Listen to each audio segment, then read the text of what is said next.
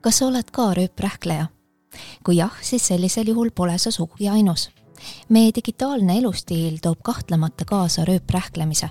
Facebook, Twitter, Instagram, reklaamid ja kõik helinaga nutiseadmed, teavitused on ideaalsed tähelepanu endale tõmbajad. kuid meie tähelepanu hajutamises pole süüdi mitte ainult sotsiaalmeedia, vaid sellega saavad suurepäraselt hakkama ka meie kolleegid, sõbrad, aga ka töö järjekorras oma korda ootavad teised ülesanded miks me tahame nii kangesti rööprähelda ja miks on tänapäeval ühele tegevusele keskendumine nii raske?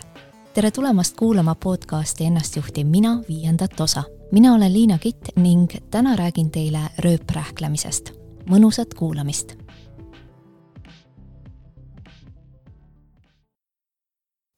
nagu te juba teate, siis aju mõttetöö ressurss on piiratud ehk teadlikku mõtlemist toetavad ajuosad väsivad kiiresti ausalt öeldes pole aju üldse parim töövahend tänapäeva töökeskkonnas, kus me tihti üritame korraga jälgida mitut infokanalit ja teha mitut ülesannet. näiteks on meil lahti arvuti, samal ajal heliseb telefon, kolleeg tuleb meilt midagi küsima. Messengeris on aktiivne vestlus teemal, mis õhtul süüa saab või õpilaste puhul, kus reedeõhtune pidu toimub veebilehitsejas on aga avatud Youtube'i video, kus kass on adapteerinud pardipojad samuti ei saa märkimata jätta, et tublidel tööinimestel on kindlasti lahti mitu pooleliolevat tööd. Nad kirjutavad aruannet, aga vastavad silmapilkselt ka igale uuele e-kirjale. ja selle kaose keskel arvame me tõsimeeli, et oleme ülimalt efektiivsed. Stanfordi ülikooli teadlased otsustasid uurida, kui hästi lahendavad rööprähklejaid erinevaid mõttetööd nõudvaid ülesandeid ja kogusid kokku pea kolmsada katsealust Neist pooled arvasid, et nende jaoks pole mingi probleem käia õppimise ajal erinevatel veebilehtedel. ülejäänud eelistasid teha ühte tegevust korraga.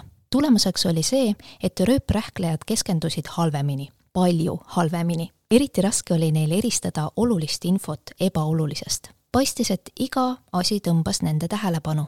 seejärel uurisid teadlased rööprähklejate võimet hüpata kiiresti ühelt ülesandelt teisele kuid isegi oma leivanumbris, rööprähklemises, said rööprähklejad kehvemaid tulemusi.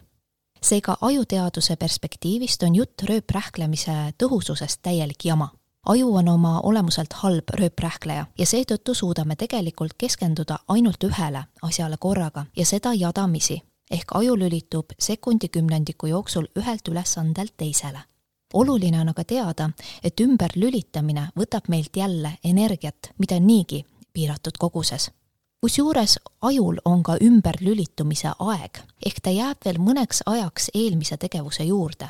ümberlülitumise aja pikkust hetkel veel täpselt ei teata, kuid katsed näitavad, et ajul kulub mitu minutit, enne kui ta suudab pärast katkestust sajaprotsendiliselt jälle esialgsele ülesandele keskenduda katkestuseks võib olla näiteks tunni ajal kiiresti sõnumite või Facebooki vaatamine või koosoleku ajal meili kontrollimine nii et kui me arvame, et kulutame meilile või sõnumile ainult mõne sekundi, siis tegelikult on selle eest makstud hind kõrgem.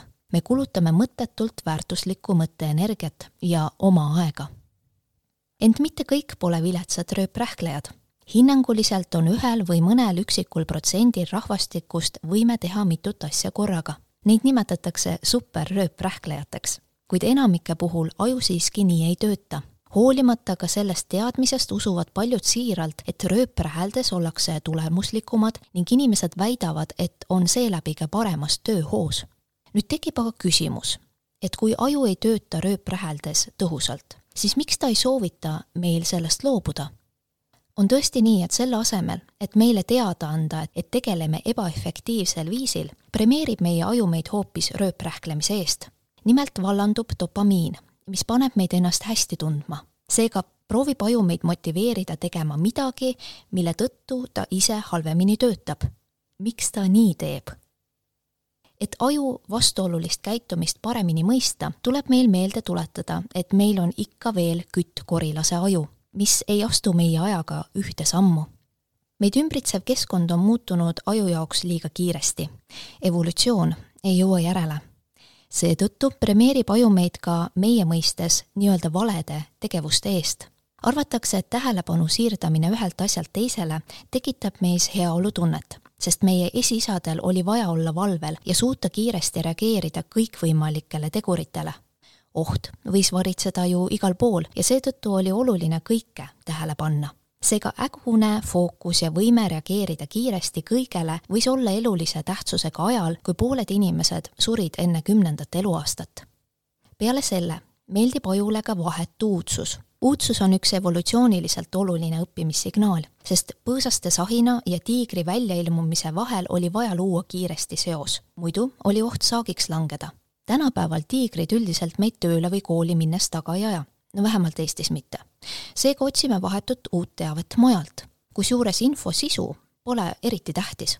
oluline on uudsus ise. seetõttu on Facebooki uuendused, Twitteri säutsud, meili kontrollimine või Delfi uudised igale ajule meeldivamad kui näiteks argipäevatöö.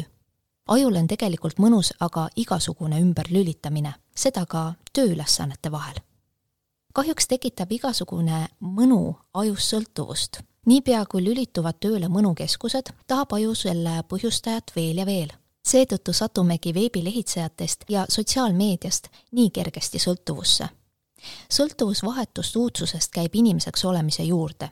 edukad inimesed lihtsalt kontrollivad seda paremini. kuidas oma enesekontrolli tõhusamaks muuta, sellest rääkisin oma podcasti teises episoodis kokkuvõtteks saab öelda, et rööprähklemine on olnud varasemalt meile eluliselt vajalik oma fookuse kiire muutmine võimaliku ohu tuvastamise eesmärgil ja kiire seoste loomine ehk õppimine andsid meile ellujäämiseks paremad võimalused. See aga, mis oli varem meie tugevuseks, on tänapäeva maailmas saamas meie nõrkuseks. hüplik fookus ja ajupidev uudsuse otsing on viinud nii mõnegi meist olukorda, kus kannatab meie töö, õppimine ja ka sotsiaalne elu, mis kõik nõuavad meilt pikemaajalisemat keskendumist ja kohalolu kuna aju aga premeerib meid ebamõistliku käitumise eest, siis me tihti ei saagi aru, et midagi valesti teeme. Tõenäoliselt tunneme hoopis, et oleme ülimalt efektiivsed ja head aja maksimaalselt ärakasutajad, mis aga ei vasta kohe üldse tõele. Enamike inimeste aju suudab ikka veel teha efektiivselt ainult ühte tegevust korraga ning igasugune tähelepanu ümberlülitamine võtab meilt lisaenergiat ning uuesti keskendumise saavutamine aega suur aitäh, et oled ka uuel hooajal minuga ja kuulasid Ennast juhtiv mina podcasti. materjalid, mida selle osa loomiseks kasutasin, leiad episoodi kirjeldusest. järgmisel korral võtan ette kuuenda teema, milleks on uni. seniks aga arukat ajukasutust, kohtume kahe nädala pärast